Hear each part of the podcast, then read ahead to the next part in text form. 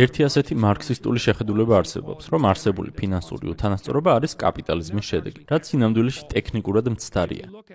ეს რაღაც უფრო დიდი შედეგია, ბუნების კანონივითაა, რომელსაც აღწერს სტატისტიკური მოდელი სახელად პარეტოს გადანაწილება.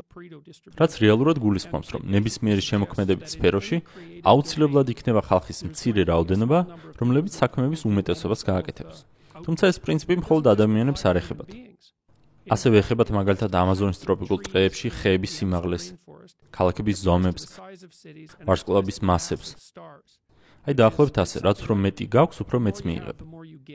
აი ვარსკვლავისთვის წარმოიდგინე რომ ასე მუშაობს. რაც უფრო იზრდება ვარსკვლავი, მით უფრო იზრდება მის გრავიტაციული ველი. შესაბამისად, უფრო მეტ რაღაცას მიზიდავს თავისკენ. ან ქალაქი რომ იზრდება, უფრო მეტ ხალხს უნდა მასში გადაცხოვრება. იმიტომ რომ შესაძლებლობების რაოდენობა ამ ქალაქში იზრდება. ზოგიერთი ქალაქი უკიდეგანოდ იზრდება, ზოგი კი არა.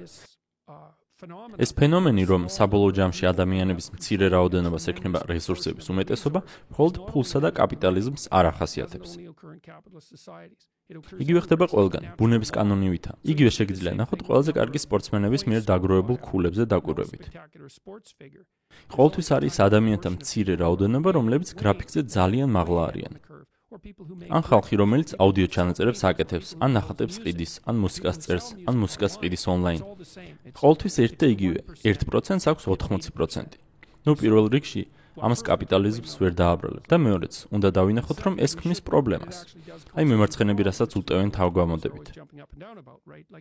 დიდი უთანასწორობა საზოგადოებას ხლებს. და ჩვენ არ ვიცით, როგორ შეიძლება ეფექტურად მივიცეთ იმ ზედა 1%-ის ფულის ნაწილი იმ ხალხს, რომელსაც არაფერი გააჩნია. რათა ისინი თამაშიდან მთლიანად არ გავარდნენ. რომ მთლიანი საზოგადოება არ გაიხლიჩოს. ჩვენ არ ვიცით ეგ როგორ გავაკეთოთ. ეს პრობლემაა, რომ უთანასწორობა არსებობს და დროთა განმავლობაში მისი დონე იზრდება. თუმცა სხვა პრობლემაცაა.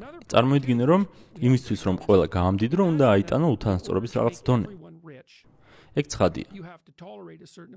მაგრამ ჩვენ არ ვიცით უთანასწორობის რამდენი ერთეული უნდა ავიტანოთ დოვლათის გამომუშავების თითო ერთეულზე. თუმცა პასუხი 0 ნამდვილად არაა. It's definitely not zero.